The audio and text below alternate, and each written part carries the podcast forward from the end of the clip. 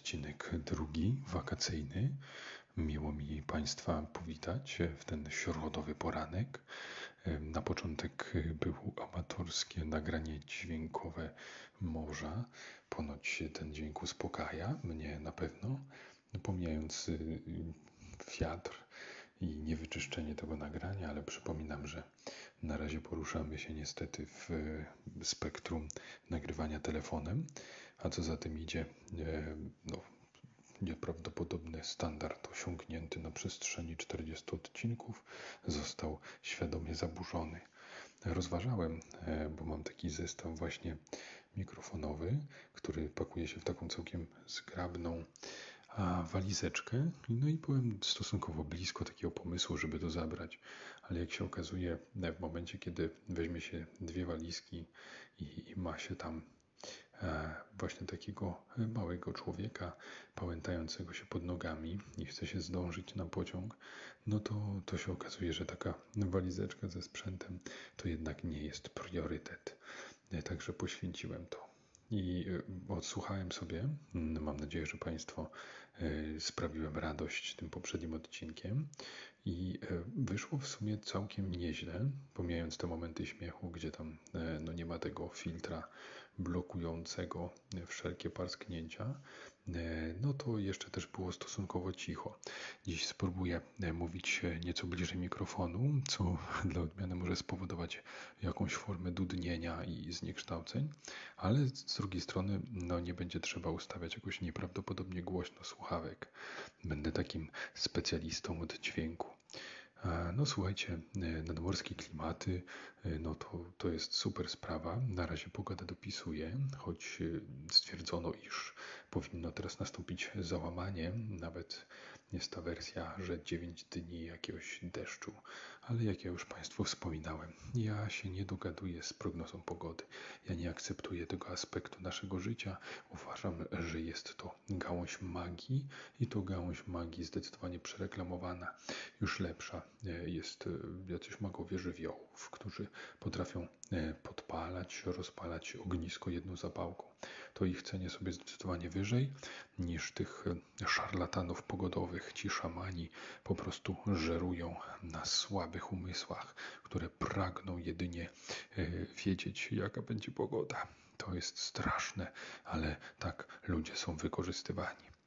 A w ogóle to po raz pierwszy, jak jestem e, w Gdańsku, to nie ma tego słynnego jarmarku. Chciałem powiedzieć jarmarku Europa. No nie, tego to już na szczęście nie ma od dawna. E, chodzi mianowicie o jarmark dominikański. Ja kiedyś wspominałem w jakiejś swojej pisaninie, ale chyba jeszcze nie na odcinku, że och, mewa, pięknie mewa w tle, że e, dzieją się takie rzeczy, że, że właśnie ten, odbywa się co roku ten jarmark dominikański. I ja jakoś tak w swoim życiu sobie ułożyłem w głowie, że no jak jarmark dominikański, no to bracia zakonni, a jak bracia zakonni, no to wszyscy są ubrani w stosowne, to się nazywa togi, nie habity, przepraszam habity. No i że, że tam będę po prostu widział takich straganiarzy obleczonych w habity, sprzedających jakiś taki chlebek własnej roboty, jakieś zioła i tak dalej.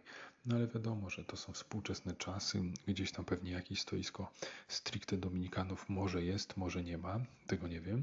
Natomiast y, tak, no to normalnie to są takie stragany około regionalne, y, które są po prostu zrobione przez jakichś normalnych biznesmenów, przez jakieś firmy, e, zwykle nieduże, być może jedno, dwuosobowe, no ale wiecie, no takie zwykłe e, handlowe placówki, gdzie można kupić m.in. chleb z masłem i z ogórkiem pycha. No ale nie, nie jest to stricte handel e, przeprowadzany przez samych Dominikanów i ja to jakby od dzieciństwa jestem rozczarowany i nie mogę się pogodzić z tym faktem. Zawsze jest to dla mnie takie źródło zgryzoty, że jak to miał być e, jarmark dominikański, a tutaj żadnych habitów ani mm, innych e, strojów nie widzę. No i cóż, tak to się właśnie odbywa, ale jest tego niezaprzeczalna zaleta. Mianowicie jest dużo, dużo mniej ludzi, dużo mniej ludzi niż się spodziewałem. No i nie ma tej zwyczajowej bramki, która tam liczyła ludzi, tam koło tego Neptuna. Tam zawsze było jakoś bardzo dużo e, ludzi, jakaś taka nieprawdopodobna ilość się tak tłoczyli właściwie nie wiadomo wokół czego, bo ta fontanna no nie jest aż taka piękna, no a co to za atrakcja, że jest jakaś bramka, która zlicza po prostu kolejnych przechodzących ludzi. Nie wiem, może to jest kwestia po prostu przebywania w towarzystwie i tego, że ludzie lubią się trochę poobściskiwać, nie wiem, albo lubią jak jest ciepło, bądź jak powietrze jest trochę gorszej jakości. Może to jest taka e, forma, wiecie, antyjodu, że oddychają sobie tam tym powietrzem takim przesyconym drugim człowiekiem i przerzedzonym, co powoduje e, jakiś rodzaj e, radości, bo, bo jest jakieś odurzenie. Może to jest taka najtańsza forma odurzania. Nie wiem, jeżeli ktoś jest fanem, to bardzo chętnie się zapoznam, to znaczy z wynikami teoretycznymi. Przecież nigdy bym się nie zdecydował na takie zachowanie, to ja już poważny człowiek jestem. No i oczywiście nie ma tych mm, właściwie prawie żadnych performerów ulicznych, ale był jeden pan w przejściu e, taką, pod taką bramą, gdzie jest dobra akustyka i on pięknie śpiewał, naprawdę tak pięknie, pięknie i wszystkie dziewczyny się tam zatrzymywały i ten i nasłuchiwały i tak pomyślałem sobie, kurczę, no jak on to fajnie ma ten talent. No ale cóż, no jak jest człowiek utalentowany, to i, to i nie musi się bardzo starać. E, pozdrawiam go serdecznie. E, I jest też, no ale najważniejsza rzecz, najważniejsza atrakcja, czyli pływające statki są. E, I to, to już jakby jest wystarczające dla takiego niespełna trzylatka, żeby, żeby oszalał ze szczęścia, tak. I żebyśmy my oszaleli z słuchania w kółko statek, statek, patrz, statek, statek. No ale na zdrowie synu bardzo się cieszę, że, że na tym etapie Twojego życia sama obecność statku który nawet często nie jest statkiem pełnoprawnym, tylko jakąś łodzią motorową albo oszukaną żaglówką, no, dostarcza Ci tyle radości. Zazdroszczę, bo w życiu człowieka dorosłego jest coraz mniej takich prostych przyjemności. Nie potrafimy tego docenić. Zaraz będę takim e, coachowym, e, dziwnym typem, który jeszcze nie ma żadnego e, poparcia w wykształceniu. I będę takim znachorem dusz, ale samozwańczym i bynajmniej nieskutecznym. To, to na pewno. Słuchajcie, a propos mew, to zaobserwowałem taki smutny obrazek, który skłonił mnie do refleksji. Jeszcze to wszystko się działo pod kościołem, więc jest dodatkowy taki aspekt klimatyczny. E, otóż e, w śmietniku leżała, znaczy na śmietniku leżała taka, taka położony taki karton po pizzy. No i w środku najwyraźniej znajdowały się jakieś kawałki. Wiecie, te, to jest dobre swoją drogą. Tam były te spo, nie spody, tylko te końce, wiecie, te e, takie grubsze fragmenty ciasta. Nie, nie wiem, jak to się nazywa, nie, te elementy spodu po prostu. No i to jest śmieszne, że jak się zrobi tą własne ciasto, tą taką pizzę, co kiedyś wspominałem, taką e, prawie prawdziwą według e, przepisu odpowiedniej grupy, takiej ala, taka ala włoska, no to jakby każdy fragment tego ciasta jest pyszny. Czy ci wyjdzie jakby trochę grubszy, czy, czy mniej, to i tak e, sprawia przyjemność i, i nie ma takiego właśnie wrażenia, zawsze się zostawia te, te końcówki tego ciasta takie grube i one są nieprzyjemne i nikt ich nie lubi, no to w przypadku e, takiej własnej roboty, no to to ciasto jest na tyle smaczne, nawet jak średnio wyjdzie, że, że po prostu zjadamy to z przyjemnością. Nawet można by bez dodatków to zrobić i, i byłoby już e, i tak nieźle. Byłoby to taka, taki swoisty rodzaj pieczywa, można powiedzieć. No więc e, no, tutaj były te fragmenty, które no, człowiek po prostu wskarcił, nie, nie skorzystał z nich, porzucił w tym pudełku. Ale cóż, no ale zebrały się mewy, mewy albo rybitwy, wiecie, nie, nie wiem czym to się różni. W każdym razie latały takie majestatyczne, duże ptaki, piękne, białe, które tak e, śpiewają za oknem, a, choć teraz uciekły to, no właśnie, i to, to był taki smutny obrazek, że on tak, tak kołował tam, złapał stamtąd jakiś taki fragment tego ciasta e, i w takim za, za, zapaleniu, z takim podnieceniem uniósł się w powietrze, ale wleciał na ulicę i upuścił puścił i zbiegł przed autem, które chciało go rozjechać, więc drugi spróbował to zgarnąć i znów musiał uskoczyć w jakimś tam odpowiednim momencie, żeby znów auto nie przyjechało. Tak sobie pomyślałem, kurczę, no walczą o takie nędzne kąski, jeszcze jakieś sztuczne ciasto zrobione w jakiejś nędznej pizzerii, które człowiek wzgardził i one o to walczą, zamiast jakby polować na, na coś w swoim takim środowisku naturalnym i to, to jest, one będą chore, jak będą to jadły i jeszcze e, jakby zaburza to całe to ich jestestwo całe to, e, jak one normalnie funkcjonują, więc poczynimy im podwójną krzywdę, dając niedobre jedzenie i niszcząc ich zwyczaje. To jest przerażające. No i co? I później jeszcze i inny ten ptak zgarnął, w końcu to uciekł z tym, ale smutniejszy był jeszcze drugi ptak, który patrzył na to wszystko z oddalenia i w momencie, kiedy już ten cały dym się skończył, to on poleciał, usiadł na tym kartonie do pizzy i wziął taki jakiś wielki kawałek i połknął to w całości. To tak wyglądało, że tak on nie miał w tym żadnej przyjemności, nie odczuł tego w żaden pozytywny sposób, jedynie za, zaspokoił jakby tą podstawową potrzebę, tą niezbywalną, tą, która pozwoliła mu żyć dalej i machać skrzydłami. I to było naprawdę takie, takie smutne, bo on jeszcze tam siedział, tak patrzył na mnie tym swoim wzrokiem i, I on wiedział, i ja wiedziałem, że to jest taki moment w jego życiu, który on nie chce, o którym on nie chce mówić, o którym on nie chce pamiętać. I on czuje się źle, że człowiek to wszystko dostrzegł. I tak, i patrzyliśmy na siebie w milczeniu. Ja starałem się przekazać mu to zrozumienie, e, tą wyrozumiałość, e, i on odleciał. Także nie wiem, nie wiem, w machaniu jego skrzydeł nie dało się wyczuć żadnego silnego uczucia. Być może był on już pusty w środku, tak jak to ciasto, które człowiek nieświadomie mu zaoferował. Swoją drogą tak się zastanawiam, czy ktoś tak rzucił to ciasto z myślą o jakimś e, człowieku, któremu się nie poszczęściło, e, że ten człowiek by sobie tam podjadł, e, czy tak zupełnie bezmyślnie. Stawiam jednak na to drugie, ale ja mam coś takiego, no, że jak coś wyrzucam, no to jednak wrzucam to do kosza, a nie tak, że, że wiecie, to są często takie przepełnione kontenery czy coś i, i człowiek tak bezrefleksyjnie to kituje, rzuca, albo jak są takie przepełnione śmietniki, to też jakby ktoś kładzie ten śmietnik, śmietnik, ten śmieć na samej górze, mm, wiedząc, że on spadnie i czasami nawet już na jego oczach spada, ale on to ignoruje, on nie zważa na to i to mnie strasznie wkurza. To jest niepoważne, nieprofesjonalne i bardzo, ale to bardzo nieprzyjemne.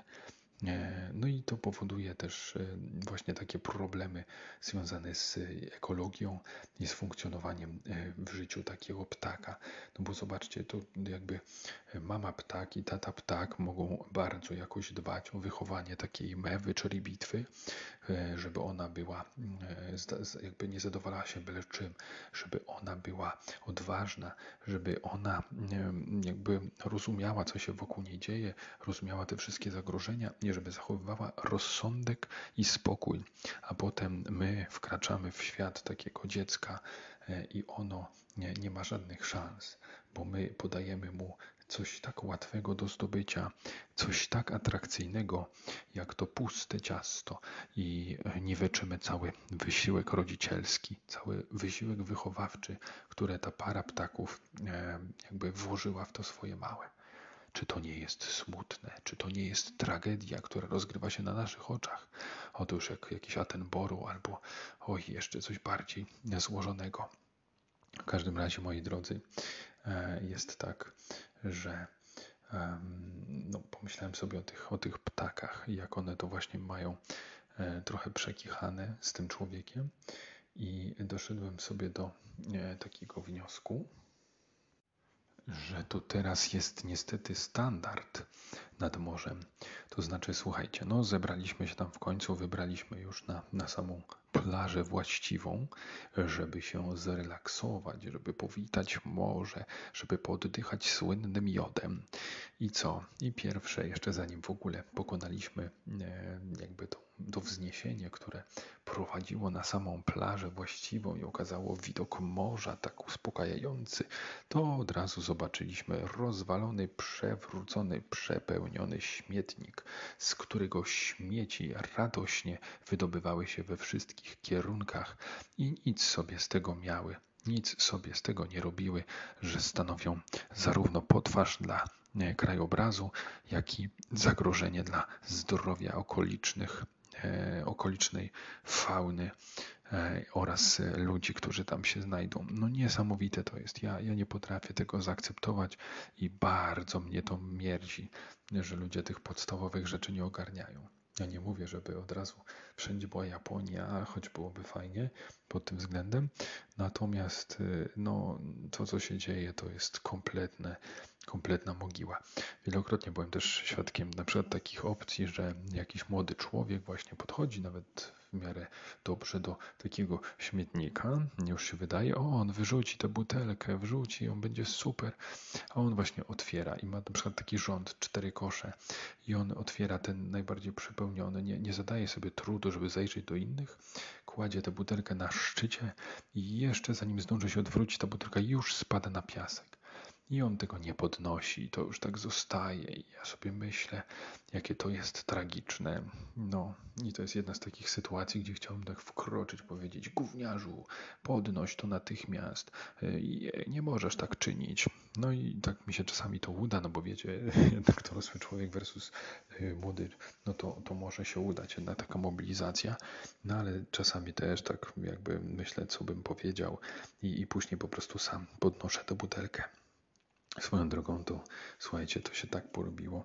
Ja pamiętam jeszcze w tych czasach y, przedkontuzjowych, y, kiedy to kolano jeszcze, kula, kulano, kiedy to kolano było jeszcze w miarę sprawne, no i chodziliśmy na tą piłkę z kolegami, no to był taki przypadek, my tam powiedzmy mieliśmy, nie wiem, po, po 18 lat mniej więcej już i szliśmy sobie tam na boisko, no i boisko było zajęte przez jakichś takich e, małych ludzi typu 10, 10 lat mniej więcej.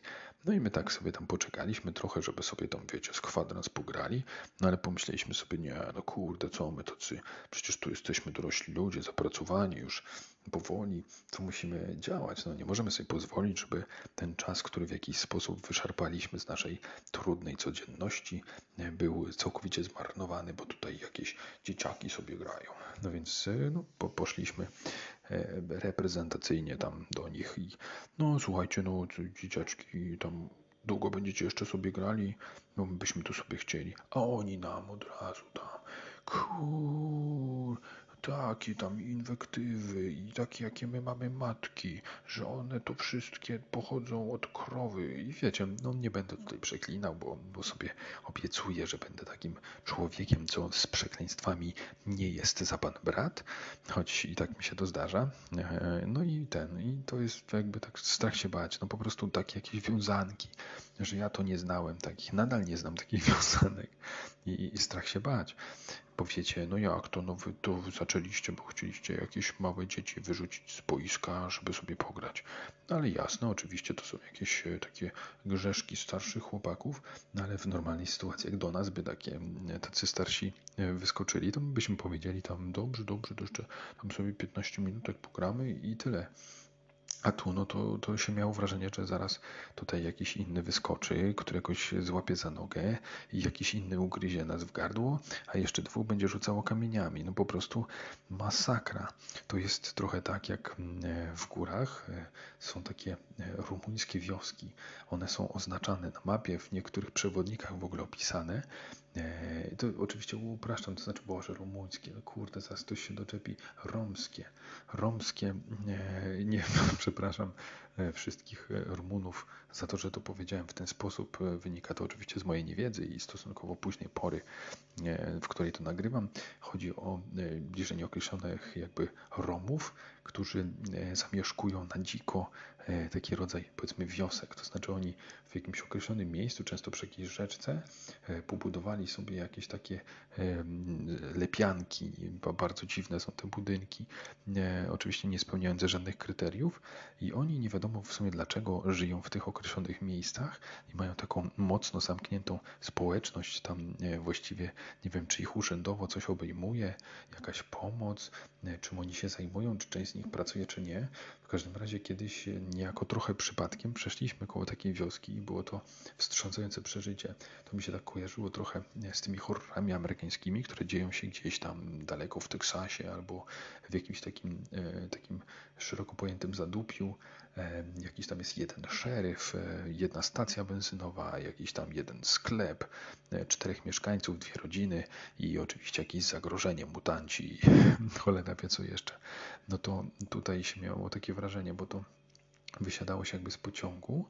E, znaczy myśmy szli po prostu szlakiem, to był jakiś szlak górski i, i tam zahaczało tą dolinę, ale jak przechodziliśmy tam, to pierwsze co zobaczyliśmy, no to była właśnie jakaś taka półdzika stacja kolejowa, e, gdzie na naszych oczach tam wysiadły ze cztery jakieś kobiety, takie ubrane w jakieś szmaty i one sobie tam ruszyły drogą, a my sobie idziemy, idziemy i z oddali już widać jakieś takie e, dziwne dzieci, w sensie takie bardzo młode, ale w, jakby noszące w, w sobie jakąś taką mądrość życiową nabytą e, w trudnych warunkach i one były takie, wydawały się starsze, jednocześnie będąc bardzo młode. I one od razu nas zaczęły zaczepiać, zaczęły chodzić wokół nas, krążyć i tak jak na filmach, że ich było coraz więcej, coraz więcej, jak jakaś, jak jakaś szarańcza e, i one wyciągały ręce i o coś prosiły w jakimś nieznanym języku. E, no i słuchajcie, tam w ogóle właśnie w tym przewodniku to było wprost napisane, żeby mieć jakieś drobne pieniądze, jakieś słodycze przygotowane gdzieś na wierzchu, w jakiejś łatwo dostępnej kieszeni i to polegało na tym, żeby od razu po prostu dać tym dzieciom, e, żeby, żeby broń Boże tam nie sięgać gdzieś głęboko do bagaży, bo można po prostu stracić taki bagaż, można naprawdę oberwać i tak dalej. I to, to są to bardzo specyficzne. Ja nie wiem, czy te wioski nadal e, są, bo to było ładnych parę lat temu. Ja wtedy miałem kilkanaście lat i byłem z ojcem i, w ogóle e, no, naprawdę było dziwnie I, i właśnie te dzieci wydawały się groźne. My im tam chyba coś, coś im znaleźliśmy, nie wiem, mieliśmy jakieś słodycze na szczęście zupełnym przypadkiem, czy jakieś jedzenie. No, w jakiś sposób e, częściowo one zostały udobruchane. Wiesz, wiem też, że jakieś, drodzy Państwo, jakieś monety też e, znaleźliśmy, więc powiedzmy, że poszło. I szliśmy sobie dalej, dalej tą drogą taką polną i nagle patrzymy, jest jakaś rzeczka, a w tej rzeczce normalnie jakiś facet leży e, i, i tak nie wiadomo, no kurczę, czy on śpi, czy jemu się coś stało. E, dalej jakaś lepianka, z jakiejś lepianki jakieś kolejne dziecko wychyna, jakieś półnagie kobiety. I my przez to wszystko szliśmy, no jak jakiejś pokręconej wiosce fantazy, która jest odcięta od świata. I tam zaczęły się tworzyć jakieś mity, jakieś potwory wyszły z lasu i przemieniły mieszkańców, no po prostu coś niesamowitego. I tych właśnie wiosek jest ileś tam oznaczonych normalnie na mapie, na szlakach i, i, jest tam oczywiście, że jak można, to trzeba uniknąć, a jeżeli nie, no to właśnie wyposażyć się w te wszystkie drobiazgi, które w jakiś sposób umożliwią Państwu komfortowe przebycie takiego terenu. No coś niesamowitego.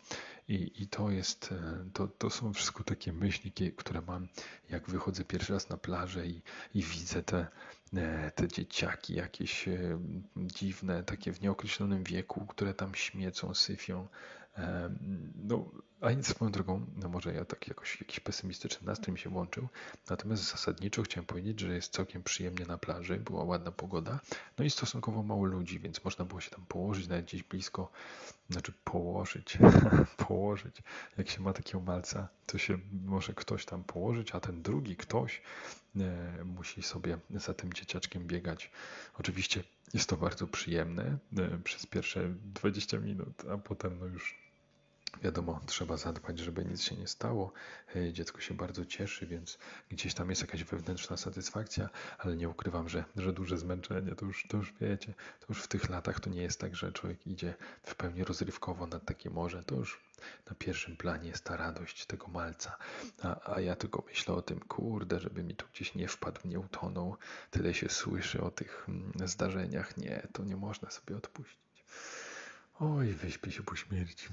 A jeszcze zabrał mnie na jakiś taki kosmiczny spacer, bo gdzieś w oddali zobaczył e, taką, taki budynek, taką wieżę strażaków, strażaków, jakichś strażaków, chciałem strażników też powiedzieć, no jak się bejłoczowcy nazywają, no Hasselhoffy, co to są za ludzie, to są e, nie strażnicy, Boże Święty, jak się nazywają, ratownicy, wieża ratowników, tak, i hacienda, E, I ona tak trochę z daleka przypominała rzeczywiście łódź. Mój syn oczywiście, o tam jest łódź, ja chcę dołączyć na statek, zobaczyć statek. No i co? I tata z synem poszedł na taki bardzo długi spacer po tej piasku rozgrzanym. I on zadowolony i mi opowiada, że, że będziemy płynąć, weźmiemy ten statek, weźmiemy na morze i będzie pan, i, i będziesz ty, i będę ja, i będziemy płynąć. No tak mu trochę próbowałem wytłumaczyć, zanim tam dotarliśmy, że, że to może niekoniecznie jest statek, ale wiecie jak to jest. On chyba za bardzo utonął w tej swojej wizji, co ja szanuję w pełni i tak mu się spodobało to, że, że zaraz będziemy tam razem pływać, no że, że nie mogłem go bardzo wyprowadzić z tego błędu. Nie, nie miałem serca. Więc sobie tak szliśmy, szliśmy. Ja tak mówię, że nie, no słuchaj, to w każdej chwili to może ta być potrzebna ta łódź, bo ona jest dla ratowników, więc my będziemy mogli tylko podejść, zobaczyć to sobie z bliska, no ale do środka to nie będziemy mogli wejść. I on tak, ale tam będzie drzwi, tam są drzwi, więc wiecie, no żelazna logika, są drzwi, więc można wejść.